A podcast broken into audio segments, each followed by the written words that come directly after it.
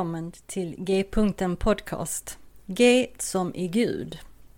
Jag heter Monica Albin och detta är en podcast för oss som är på en resa i tro och liv, i andlighet och allt som har med Gud att göra.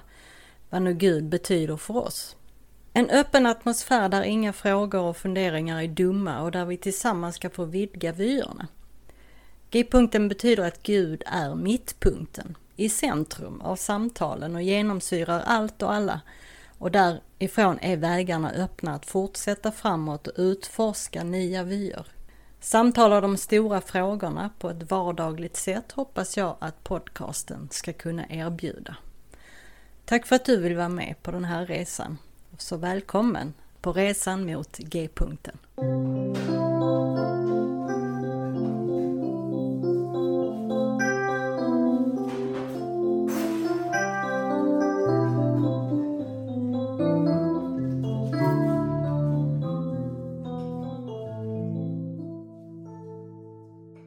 Och välkommen tillbaka till G-punkten podcast. I dagens avsnitt är Thomas J. Ord tillbaka. Han var med i avsnitt 13 av säsong 2. Där berättar han mer om sig själv och sin trosresa och mer om Open and Relational Theology.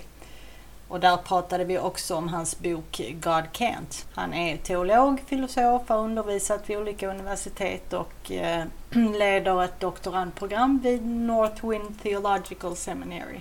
Han är också ordinerad pastor i The Church of the Nazarene.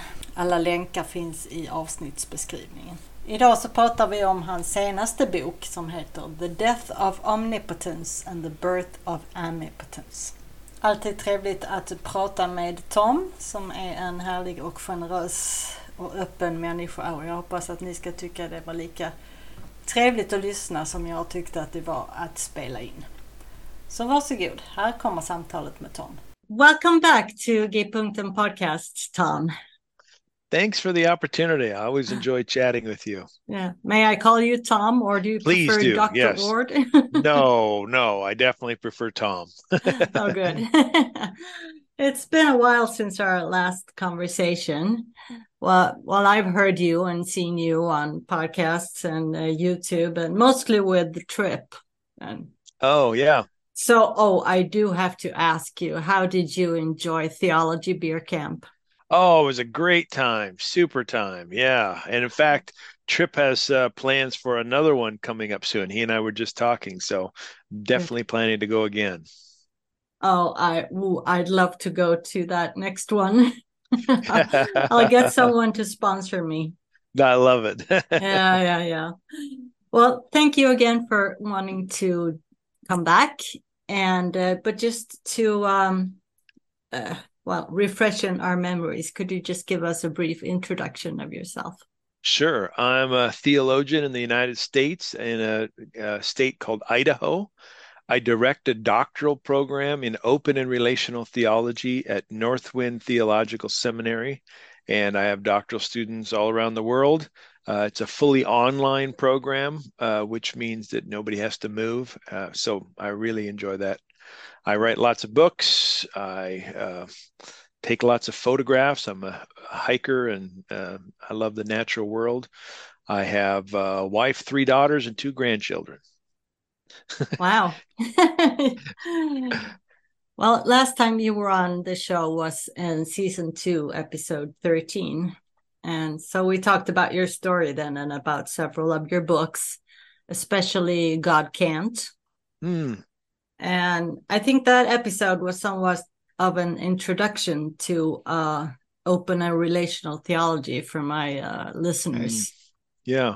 And um, I think that for many, that is a way to think about God. That's uh, that's more appealing, more attractive Mm. than maybe the way we've grown up with. hmm Yeah, I mean, it fits the intuitions of lots of contemporary Mhm. people, Yes. and it overcomes a lot of the obstacles to belief in God that are presented by what I'll call a more traditional or conventional view of God. And so, yeah, it's attractive to many people. Yes. As I said, you have written several books uh, on this topic, and this latest one is called The Death of Om- Omnipotence and the Birth of Amipotence. Yes. I have it here. I have to show Awesome. you. I have it. Good. so I have both the paper copy and I have listened to it. Good. And um, well, I, I guess you've gotten some pushback for the title already, maybe.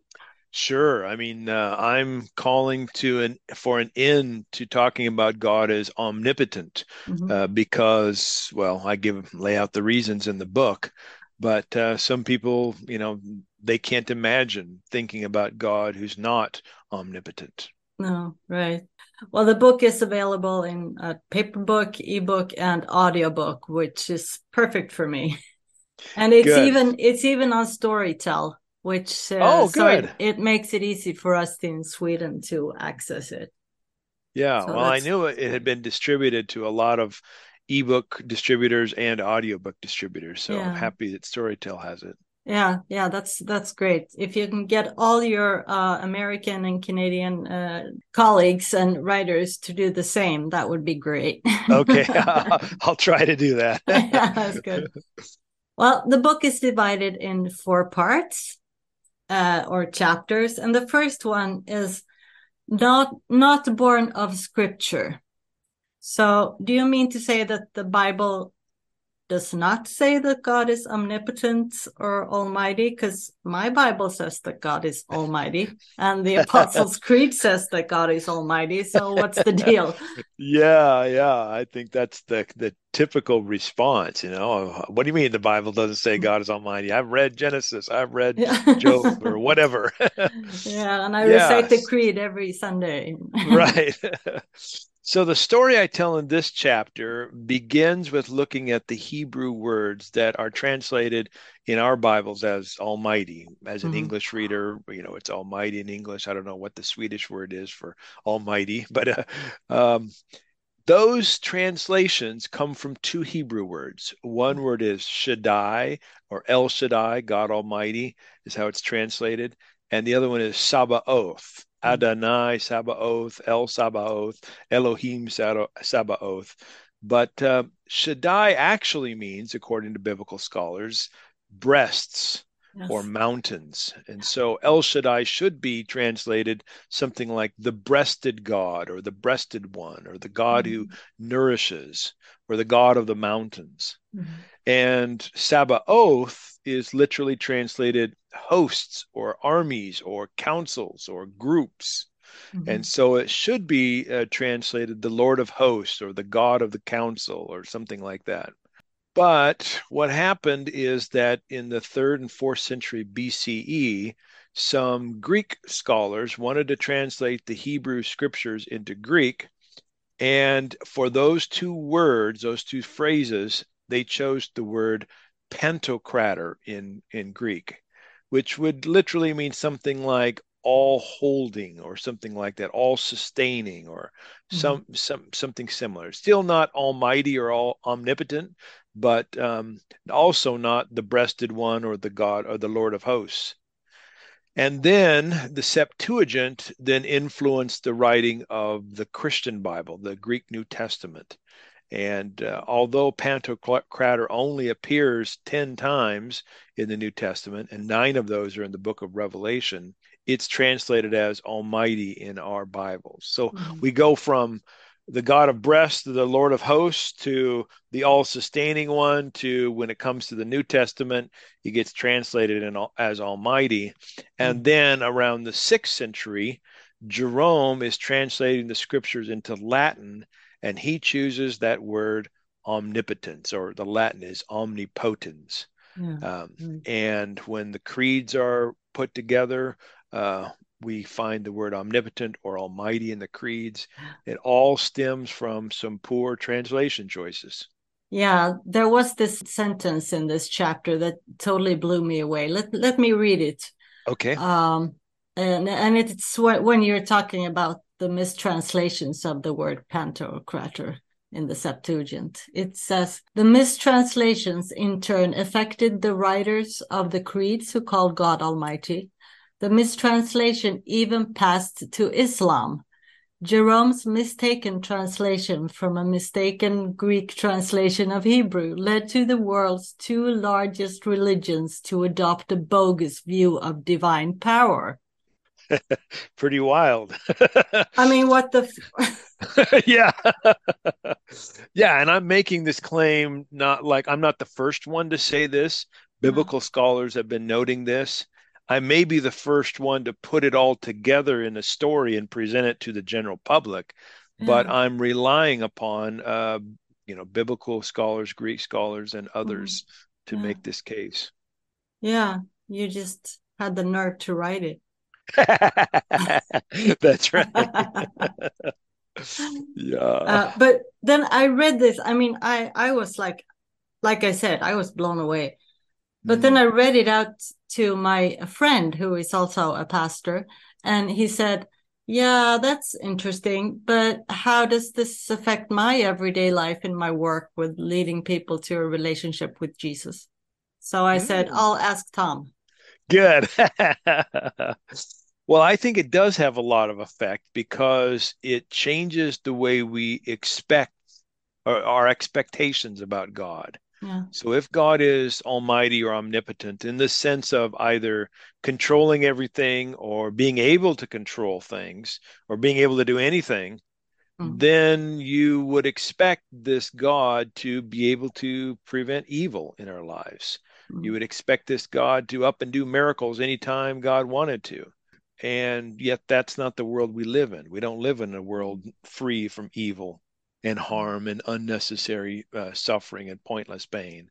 Mm. And, you know, I'm a person who believes in God and tries to follow Jesus. And sometimes when I pray, hoping something good will happen, it doesn't happen. Miracles don't happen the way mm. I mm-hmm. want them. So I think for Christians in general and, and Christian leaders in particular, we need to have a view of God as not omnipotent so that we don't set people up for frustrations, failure, and you know uh, mm-hmm. reasons to walk away from belief in God.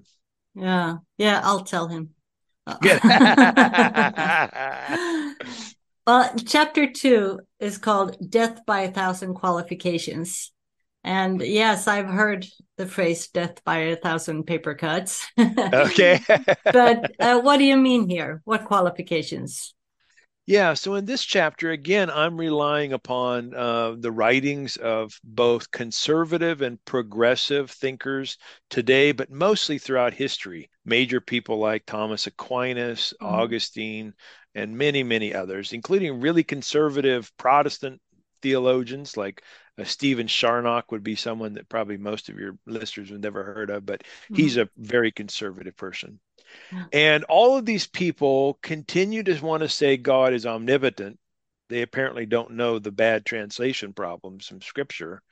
But when they say God can do anything, they often, well, actually, always qualify it. They'll say, well, God can do anything, but God can't stop existing mm-hmm. or God can't make one plus one equal 387, mm-hmm. or God can't go against God's own nature, and and just over and over. And what I do in this chapter is lay out all these different categories of qualifications and then say, you know, when you add all of these up, it just makes no sense. Even if you're a conservative Christian, to think that God can do anything because everybody qualifies it and notes that there are things that God can't do.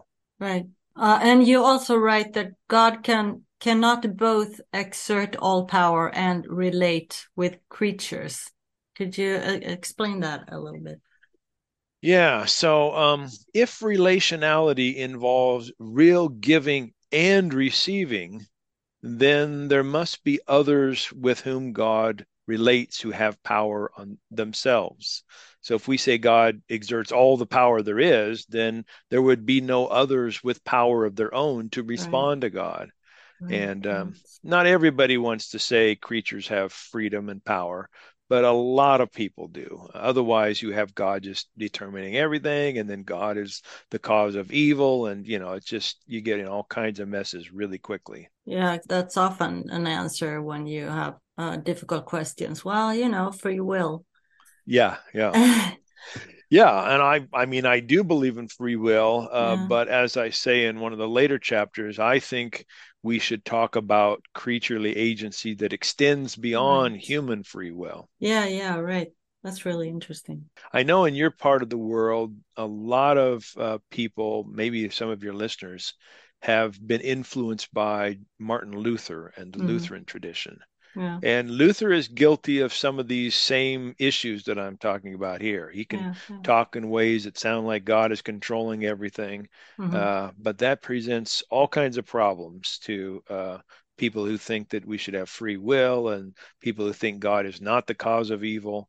Um, so a lot of these criticisms apply to the Lutheran theology that tries to follow Martin Luther closely. Yeah, that's true. In chapter three, uh, is called Evil Ends Omnipotence. Now, several of your other books uh, are about talks about this, right? The the yeah. problem of evil, and uh, that's often where the mystery card comes out, isn't it? Yes.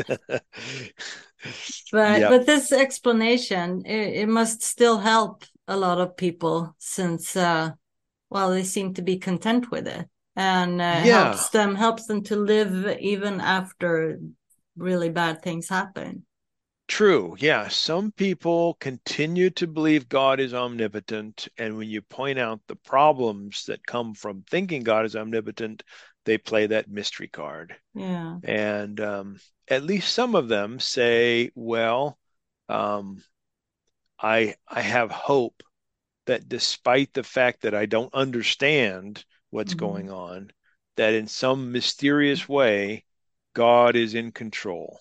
Mm. And I that works for some people. It doesn't work for me. it does and lots of other people I know.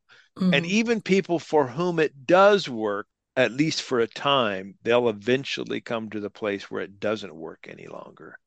And to those people, I want to say there is another way to think and a way I think is better. Yeah, that's that's the open part here.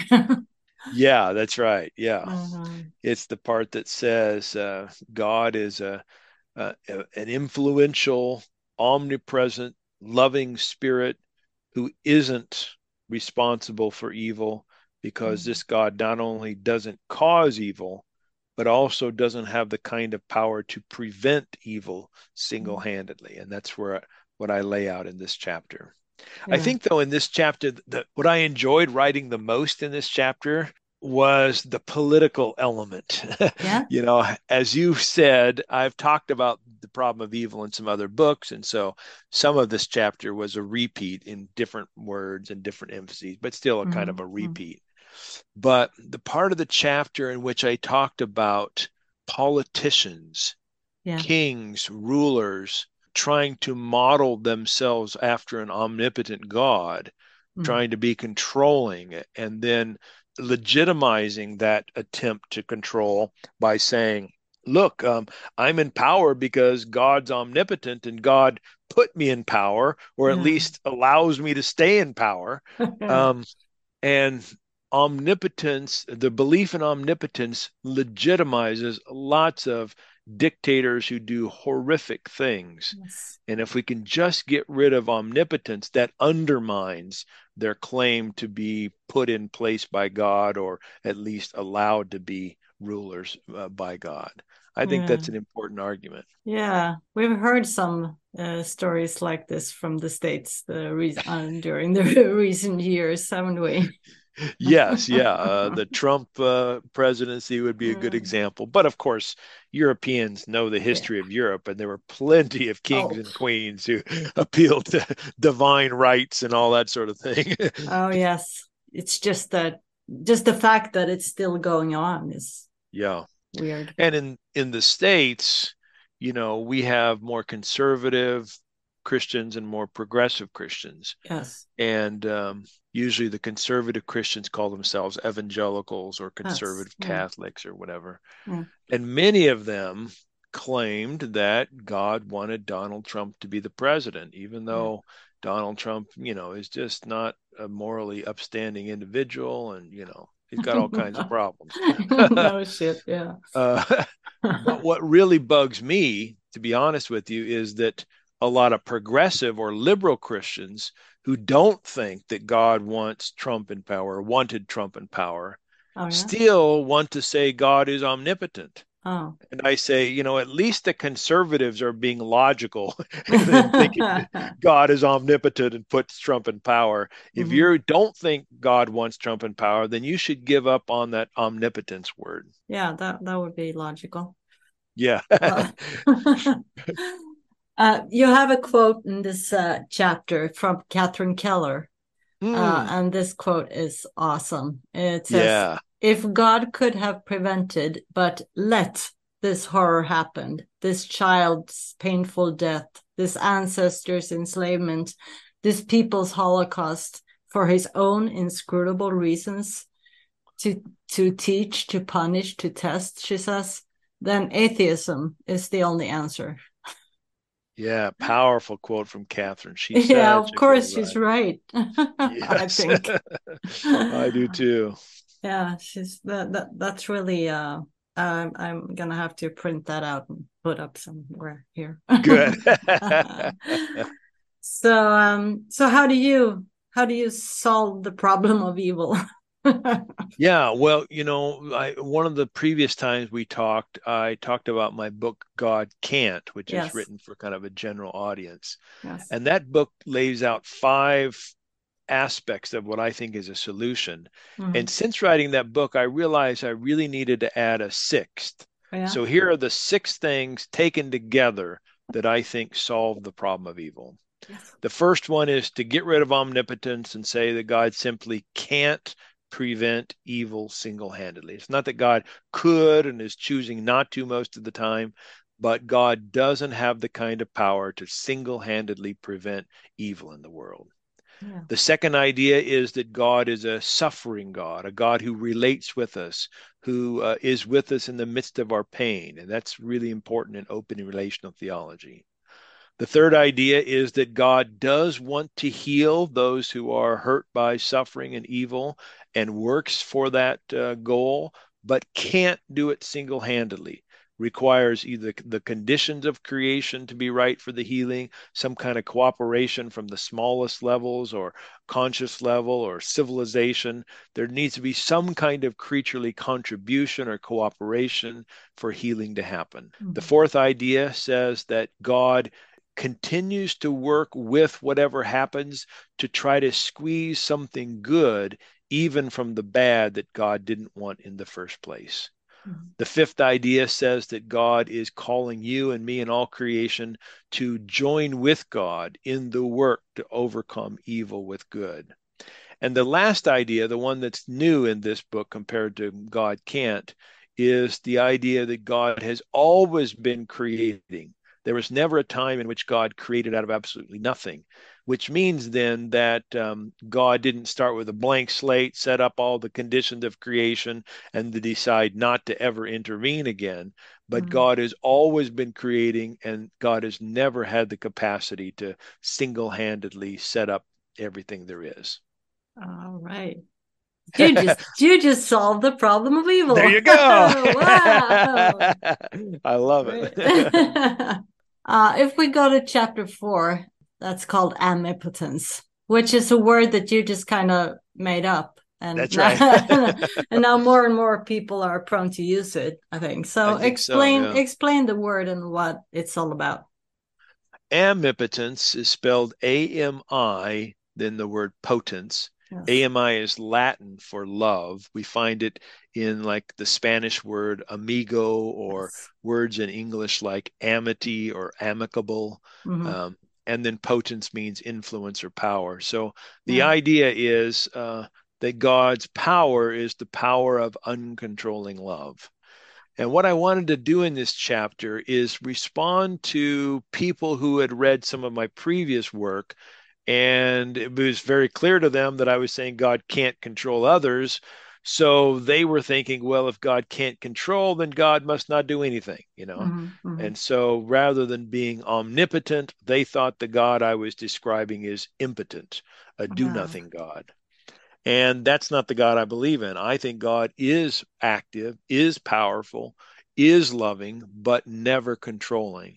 And that's what I try to explain in this last chapter. Yeah. I'm going to read a little piece from the end of the book.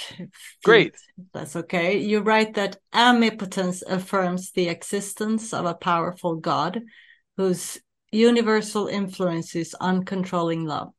It better fits the biblical witness and avoids the countless qualifications omnipotence requires. It overcomes uh, the main reason many say they can't believe God exists the problem of evil. Amipotence accounts for what's loving, true, good, and beautiful in creation without making God responsible for the evil, ugly, and bad. And it provides hope for the victory of good over evil now and in the future. Omnipotence is dead, but amipotence can live. Oh, I'm glad you quoted that. That's like a really nice summary of the whole book. it is, isn't it? yeah. Thank like, you for doing let, that. Let's, let's bury omnipotence and let's let's have a birthday party for amipotence. I love it. I yeah. do think a lot of people have known that there are problems with thinking God is omnipotent. They may not have known the details that I give in this book, but they've been uncomfortable with it. Yeah. Um, but they didn't have an alternative that they liked. And mm-hmm. perhaps right. some will like this alternative I give, amipotence. Yeah. No, the only alternative you have is the mystery. Yeah. Yeah. And it doesn't work for everyone, like you said. No, no. And and I want to be clear that when I am rejecting mystery, I'm not claiming that I have God figured out. Like I'm, no. I think there's always going to be some mystery involved in theology because no one understands God fully. Yeah. What I'm rejecting are people who still want to call God omnipotent and they don't want to rethink their views of God. And so, whenever there's some sort of conundrum or problem or some sort of dissonance in their theology, instead of rethinking their view of God, they'll just say, Oh, well, we just don't understand. It's a mystery. And mm. they just keep going. And I think we need to do some some real rethinking of our views of God. Yeah, because no, I I like the the word mystery, and I like the the concept of a, a holy God and and things that we don't understand. But it's when it becomes an excuse for not dealing yes. with stuff. oh well, excuse, it's a mystery. Right. Yeah. yes. Yep. God's ways are higher than our ways, and we don't know what He thinks. Yep. Is there anything else you want to say about this book, or anything else at all you want to plug? Yeah, you know, I think in writing this book, um, well, in most of my writing experiences, I have a general idea of where I want to go. Mm. In this case, I knew the four chapter titles from the start. Like I, I thought, okay, not born of Scripture, dies the death of a thousand qualifications, evil ends, and then an amipotence. I knew yeah. where I was going, yeah. but um, I did a lot more research on the biblical portion than I expected because it, I found it so fascinating. Uh-huh. I um, and the portion, and I really uh, the political part of the third chapter was yes. kind of the most thrilling for me because I was doing lots of new things there. Yeah. But the part of the book that was the most unexpected, I think, mm-hmm. was the second half of the last chapter. Okay. I knew in the first part of that last chapter, I was going to explain amipotence. I was going to explain how love come first in God, and we should understand God's attributes in light of love. And you know, I had that in my mind. Mm-hmm. But as I was writing that chapter, I thought to myself, you know, the reader is going to be wondering, okay, well, how does this actually work? Yes. What is God actually doing in the world? Why don't I see God? You know, how do we understand divine action? And so, writing about uh, God as a universal, loving spirit without a divine body, all that kind of stuff, that was uh, that was new to me as I kind of came to it. It developed in my writing. And I hope it's especially helpful for people who have the question of, okay, so you believe in God, you believe that God is loving and not in control, then you know how does it actually work mm-hmm. in our yeah. lives i hope yeah. that helps that answer that question yeah the word amipotence it's uh it's a very good word for that oh thanks thanks yeah, you're right that it is catching on. I'm already seeing people use that word. So, Oh, um, you know, it's wow. going to take a while probably for it to over overtake omnipotence, but it's gonna I'm take a while to- before it's in the dictionary. That's right. yeah, I, I tried uh, last week. I went on Chat GPT and I asked it what amipotence was, and it says, I don't know. oh, that's cool. So, do you have uh, anything? Uh, are you working on anything new now? Well, I've got some ideas. Um, I actually started a book about three years ago Oh yeah. and have worked on it off and on during that time. But as I'm working, I get these new book ideas, and I've written I've written four books since I started that one. okay. So- oh, it's one of those books. Okay. Yeah. So at this point, I I'm thinking I'll go back to it. It's a more popular kind of book Mhm, mhm. uh, on w- how we might live lives of love. yeah. Um, but I, I've learned uh, over time that I shouldn't jump right into the next writing project after a No. book comes out. I no, need to.